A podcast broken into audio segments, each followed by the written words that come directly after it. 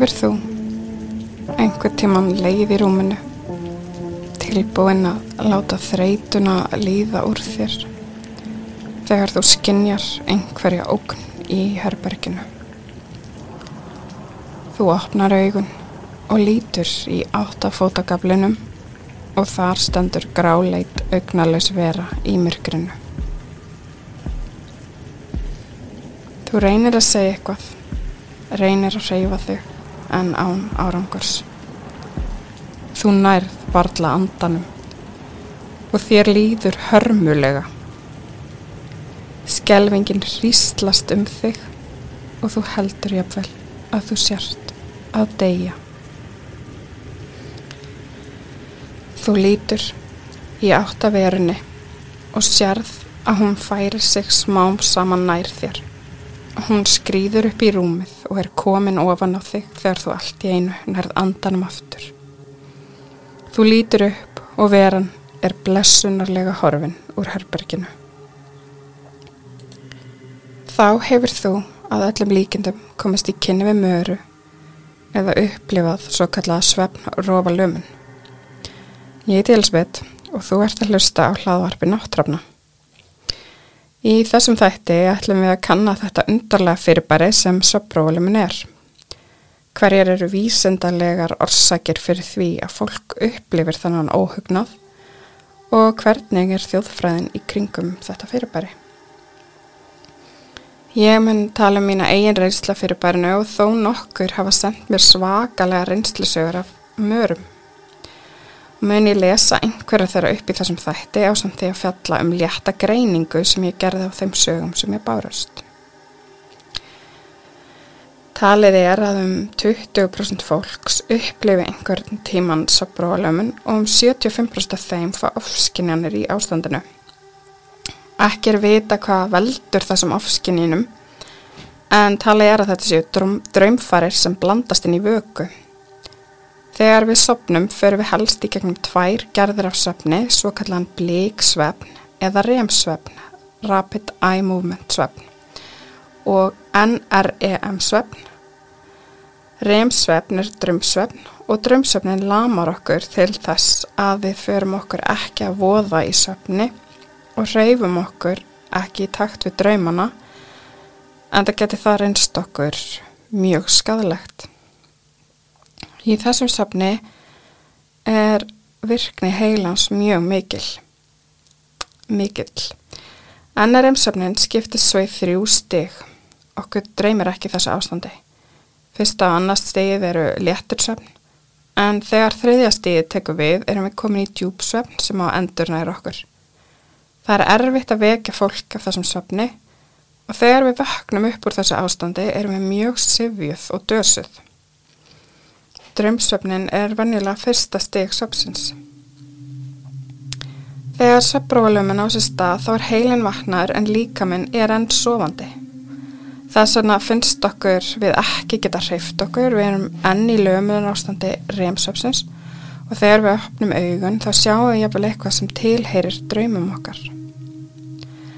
Það sem ég finnst persónulega skrítnast við þetta allt saman er hversu keimlíkar þessar ofskinnanir eru hjá fólki og meða við hvað lífið er fjölbreytt og menning allskunar eftir heimslutum þá er mjög sérstakt að þessar verur byrtast á sama hátt allstaðar í heiminum og einnig í gegnum söguna. Einn kenning er svo að það sem við sjáum í þessum ofskinninum er það sem hræður okkur hvað mest En talandi frá einreyslu þá hef ég bara aldrei verið eitthvað sérstaklega hrætt við gráður augnalösa verur, karla með hata eða lítil skrimsli sem setjast á bringuna mér.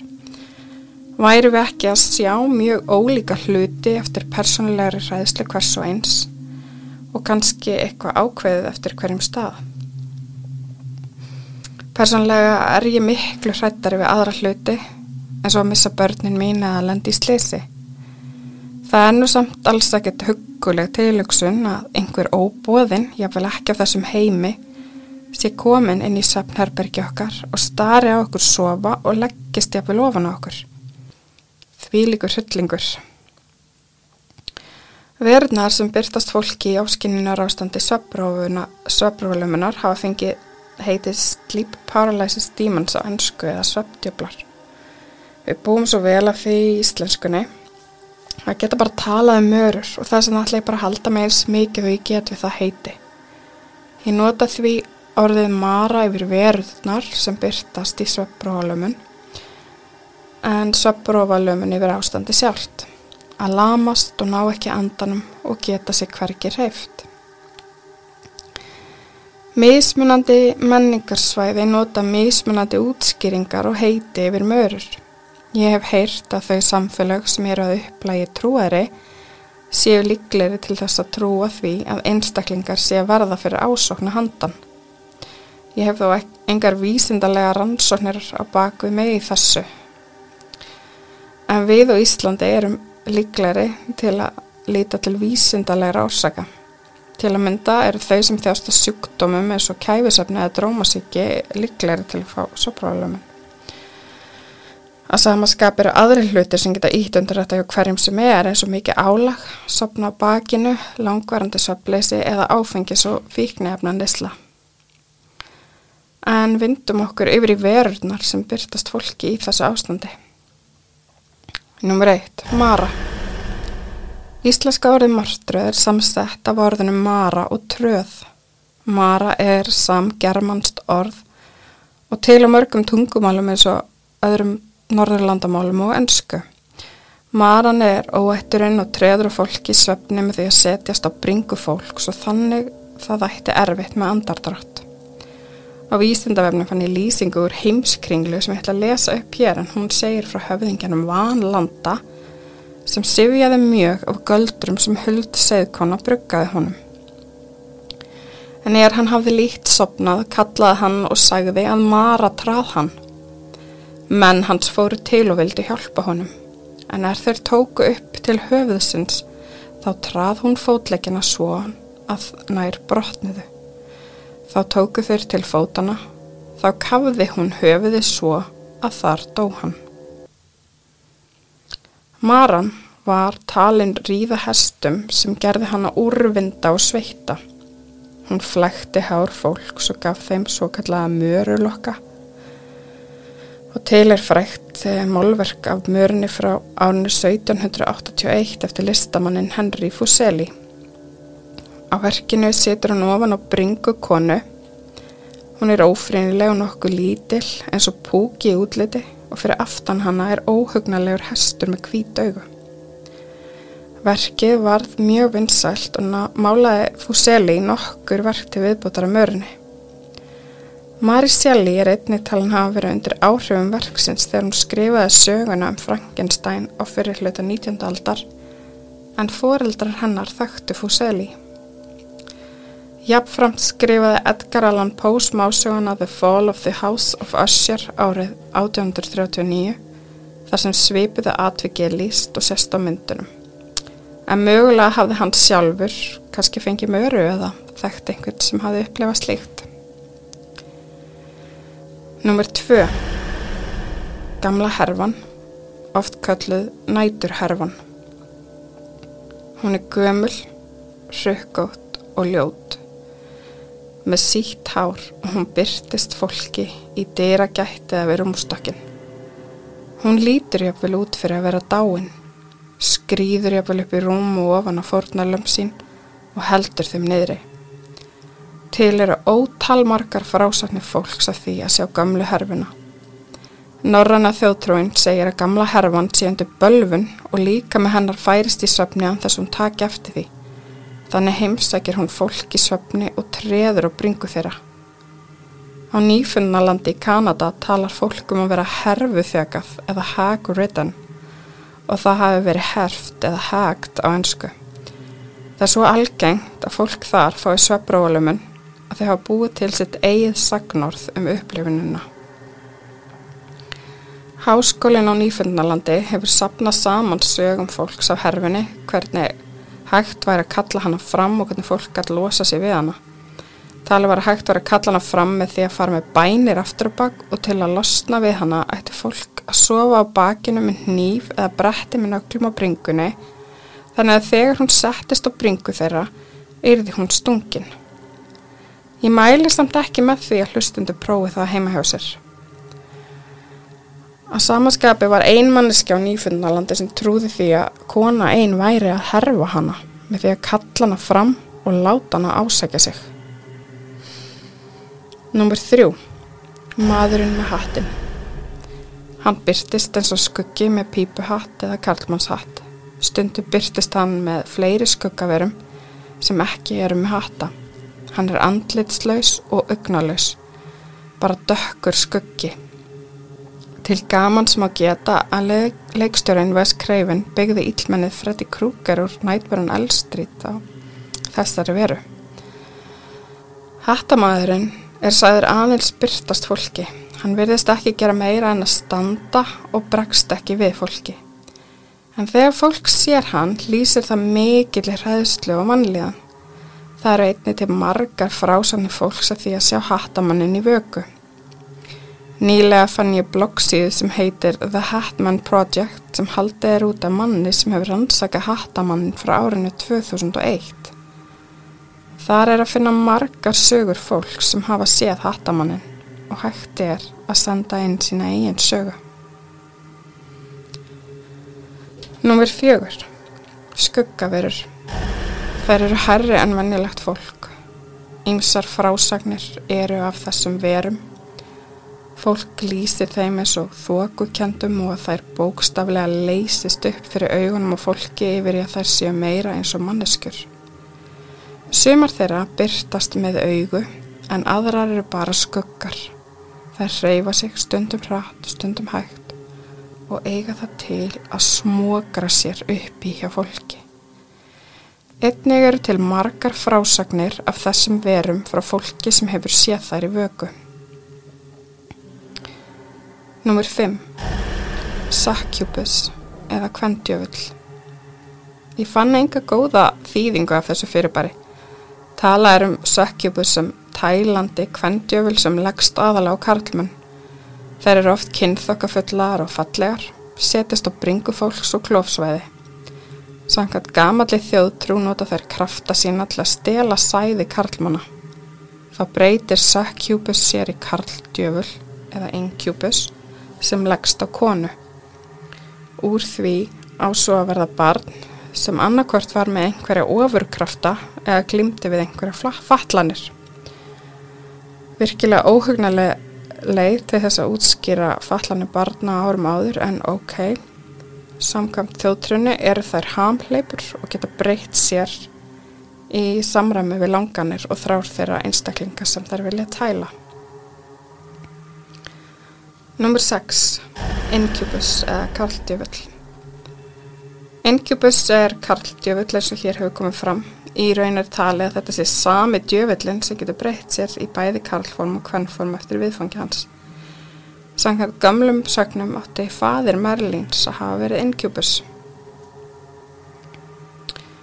Númer 7. Dýrsleir púkar.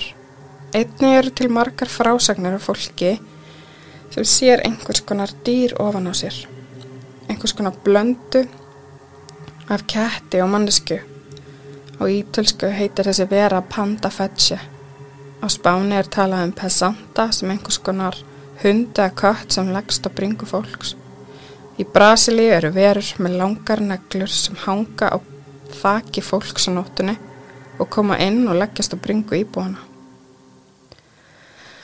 Listinn er að sjálfsög ekki tæmandi en þessar sínir eru algengar hægt að lesa ótal frásagnir fólks að kynnum þeirra við þær. Í miðausturlandum er talað um jins og í Japan heita þær kanashibari. Það væri efni í heilam þátt að tala um þessar sagnir frá ólíkum heimsthornum. Kanski það verði efni í annan þátt. En nú skulum við vinda okkur í greininguna á þeim sögum sem þættinum barst og í kjölfarið ætla ég að lesa upp nokkra sögur sem bárust. Ég er ótrúlega þakklátt öllum þeim sem sendu inn sögur í þetta óþækta hlaðvarpi. Mér langar að þakka ykkur öllum. Um tólf einstaklingar sendu mér sínar upplifanir á sögbrólumun og mörun. Þrettan með mér sjálfri. Ég geti mér ekki lesið upp alla sögunar þar sem tímin er naumur En það var mjög gaglegt að sjá hvað þessar uppleifunar eru oft keimlíkar. Í öllum frásögnum kemur fram hræðsla, jáfnvel mikil hræðsla og ótti við að deyja. Ég get sjálf spekla mig í því, því þegar þetta hendi mig finnst mér ég verið að kapna og andnauð var mjög algeng í frásögnunum. En stundum þá líka eins og ég viti að ég sé í þessu ástandi og þá veit ég að þetta er tímabundið og þá skánar það strax. Það voru allavega fjórir einstaklingar sem voru meðvitaðir um hvað þau væri að upplifa og gáttu vakið sér með einhverjum hætti til dæmis með því að halda í sér andanum og þá neyðist líka minn til að vakna. Eitt talaði um að halda augunum lokum til þess að sjá ekki offsjónir en var á sama tíma að upplifa exploding head syndrome. Ég fann því miður ekkert íslenskt heiti yfir þetta fyrirbæri. Það væri eitthvað eins og höfuðsprengju helkenni en ég er sem sagt þegar manneskja vaknar við mikinn háaða kveld eða sprengjulæti sem ekki er til staðar nema í höfði viðkomandi. Yfirleitt gerst þetta þegar manneskja er nýsopnuð eða vaknar upp við þetta um miðja nótt. Virkilega óhugnarlegt. Önnur kona gatt hreift hernar og vaki líka mann þannig. Einn sparkaði fótonum með hann að róa sér niður anda og sopna. Þá gatt einn gefið frá sér hljóð og þannig vaki mannin sinn sem svo vakti hana.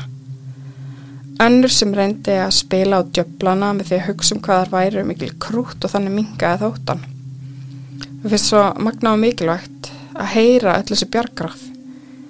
Kanski að þau geti hjálpað einhverjum hlustundum það nóti þegar þetta hendir mig að þá finnst mér eins og ég sé að öskra en ég er kannski bara umla. Tvær konur sögust hafa upplifað að finnast að svífa upp og yfir rúmunu sínu. Einu upplifði að það væri eins og hún væri dregin úr söpsofa niður á golf í nær öllum frásögnum eru ofskinjanir og tilfinning um nærveru í herberginu. Yfirleitt sá fólk skuggaverur, eitt sá lappandi bánsa á marjuhænu sem nú bara freka krútlegt. Þá heyrði líka fólk hljóð eins og fugglakvak og garg, rattir fólki tala saman, urr og slefi dýri.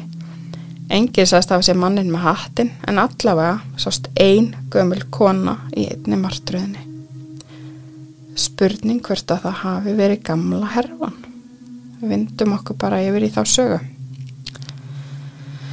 Saga 1 Ég var 17 ára þegar þetta gerðist. Það var snemma morguns og ég horfið fram á gangu rúminu mínu. En ég var í fórstofuherberginu ég sá bróðu minn klæða sig. Hann var greinilega á leiði í vinnuna. Og meðan ég horfið á hann sá ég eldri konu í dýrakettinni Hún var klætt í fingjörð prjónaföttu, pils og minnstraðan efripart í kvítum og brúnum tónum. Ég horfi á hann að ganga að mér og gata ekki hreift mig. Hún tók svo kotta og setti yfir andliti á mér til að kæfa mig og ég náði ekki hreyfa mig. Ég syngdi mig marg oft í huganum og á móti henni og þá kvarf hún. Þetta hafði svo mikil áhrif á mig alla æfi að upp frá þessu hef ég ekki geta haft lausa kotta eða púða í rúmunni hjá mér þegar ég sef. Ég fekk fyrirbænir og fór svo upp í sálaransóknarfélag til að fá hjálpið að láta loka mér. Hvort þetta hafi verið söfn, lömun eða draugangur get ég ekki svarað. Í dag er ég transheilari og vinn mikið með öndum og andaheiminum og hef ekki aftur upplifað neitt svona mér stefnir svo rosalega áhugavert í þessar sögu að hún hefur ekki upplifað þetta aftur eftir að hún létt loka sér og eftir hún fekk fyrirbænir. Það er með spurningin hvort að það hafi virkað eða hvort að ræðslan hafi mingað hjá henni. Saga 2 Ég hef fengið svepróalömun af og til frá 8 ára aldri. Um einu sinni til tvísvara ári. Í dag er ég 42 ára. Upplifunin er ekki alltaf eins, en yfirleitt kemur mjög óþægilegt hljóð líkt á fugglakvak. Ég finn alltaf fyrir nervuru, eins og einhver sé að leggjast ofan á mig og finn þá fyrir andþingslum. Oft er eins og einhver sé að reyna að draga mig úr rúminu og í nokkur skipti var eins og ég liftist af rúminu og stundum held ég hreinlega að ég sé komin út á gólf þegar ég næði reyfa mig aftur. Ef ég næði aðeins að opna augun sem ég ásamt oftast erfitt með að gera sé ég skuggaveru í horninu og herberginu sem virðist vera nálgast mig. Stundum heyri ég hurðaskelli og rattir og stundum rattir sem ég þekki og held þá ég vel að maður minn eða einhver annar sé að opna inn til mín. Ég upplifi mikla hræðslu og reyni því að koma mér út úr þessu ástandi eins og fljótt og ég get. Þegar þetta kemur fyrir tekst mér einhvern veginn að láta mig bregða, veit ekki alveg hvernig ég útskýra það betur, en það tekur stundum nokkur skipti til þess að ég ná að koma mér úr ástandinu. Ég passa mig á að liggja aldrei á bakinu því þá verðist þetta frekar gerast. Einni er líklæra að þetta gerist hjá mér ef ég er illa sofin, sopna á daginn eða ef ég er að upplifa mikið álag. Þegar þetta gerist í fyrsta sinn í barnasku, vaknaði ég um miðjanótt, náðu að opna augun aðeins, en fann að ég gat ekkert þreyft mig, var alveg lömið í líkamannum. Ég sá þá veru sem lá í rúminu við hliðin á mér og starði á mig. Man, hvað ég var ótrúlega hrætt og skildi ekki hvað var að gerast. Ég gati ekki hreift mig í það sem mér fannst vera heil eilíf en hefur líklega bara verið nokkra mínútur. Svo finn ég að ég get aðeins hreift fingurna og eftir því sem ég get hreift mig því óskirari verður veran þar til hún lóks hverfur. Ég held lengi vel að ég hefði hreinlega sér draug og var því mjög myrkvælinn sem barn. Ég fekk mjög oft söpprófilömmin og úlingsárunum. Í eitt skipti sopna ég um miðjan dag í söppsófanum mínum inn í herbygginu mínu með lokað hörð. Ég vakna, get ekki að opna augun, get ekki hreift mig. Heyri eins og fugglagarg og upplifi mjög start nervuru í herbygginu finnst þess að hurðin opnist og finn að einhver er að nálgast mig þar fyrir líður eins og einhver sé að leggjast ofan á mig og kvistla nafnið í eirun á mér. Ég var mjög óttastlegin og leið eins og ég ætla aldrei að komast úr þessu ástandi. Reyndi og reyndi að láta líkamann vakna án árangurs. Ég man að ég var öskrandi inn í mér en auðvitað heyrðist ekkert í mér. Svo fannst mér eins og þessi vera væri að draga mig úr sófanum og leið þess að ég var í komin nýra gólf. Þá náði ég að reyfa mig aðeins og leið eins og ég rikki aftur á sófanum þar til ég vaknaði alveg. Manna ég settist upp, ætlaði sko aldrei að sopna aftur á ótafið þetta myndi gerast aftur. Sáðu þetta engan í herbyrginu mínu og hurðin var enn lókuð. Ég gæti alveg nefnt fleiri atvik en þau eru mjög svipuð. Í dag er ég mikið fljótari átt að mig á því ef þetta er að gerast og er mun fljótari að ná mér úr þessu ástandi í dag sem betur fer. Þó ég viti að ofskinjanirnar og ofhernirnar sé hluti á söpróflömuninni þá er þetta alltaf hefna óhugnalegt og ég verð alltaf mjög hrætt. Eru aldrei að láta þetta bara gerast. Vil alltaf koma mér út úr þessu þessi fljótt og hægt er. Vá, segi ég bara, þetta er alveg óbáðslega óhugnalegt að sjá einhvern liggja við hliðin á þér í rúminu ég fæ bara svo mikið roll því líka viðbjöður og einhver að kvísla í eiraðir og ég bara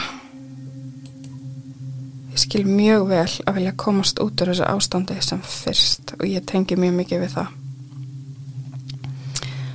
Saga 3 Ég upplegi fyrst sabróðalömun um 15 ára. Ég sá einhvers konar illa veru svarta í horninu á herberginu. Veran lagðist á mig og mér fannst ég ekki geta andað. Hræðslan var svakaleg og ég vaknaði sveitt. Þetta gerist nokkur sem af og til þar til ég var 23 ára. Þegar ég var 23 ára fór ég mjög krefjandi nám sem var með síu sem ákvarðaði hvort maður fengi halda áfram yfir á önnumir 2 og þar með halda áfram í náminu. Ég hef búin að komast að því hvað svabróðlömmun væri hafði áður skrifað á martraðir. Í fjóru mánuði upplýði ég daglega svabróðlömmun og ég vel tvið svara dag ef ég lagði mig. Á daginn upplýði ég þetta líka. Ég var orðin svo vön þessu að ég var farin að spila og djöblana í draumum mínum. Stundum þegar verðurna komu þá let ég eins og mér þætti þeir svo mikil krút að ég væri ánægð að sjá þær. Allt til að plata sjálfa mig í að vera ekki hrætt.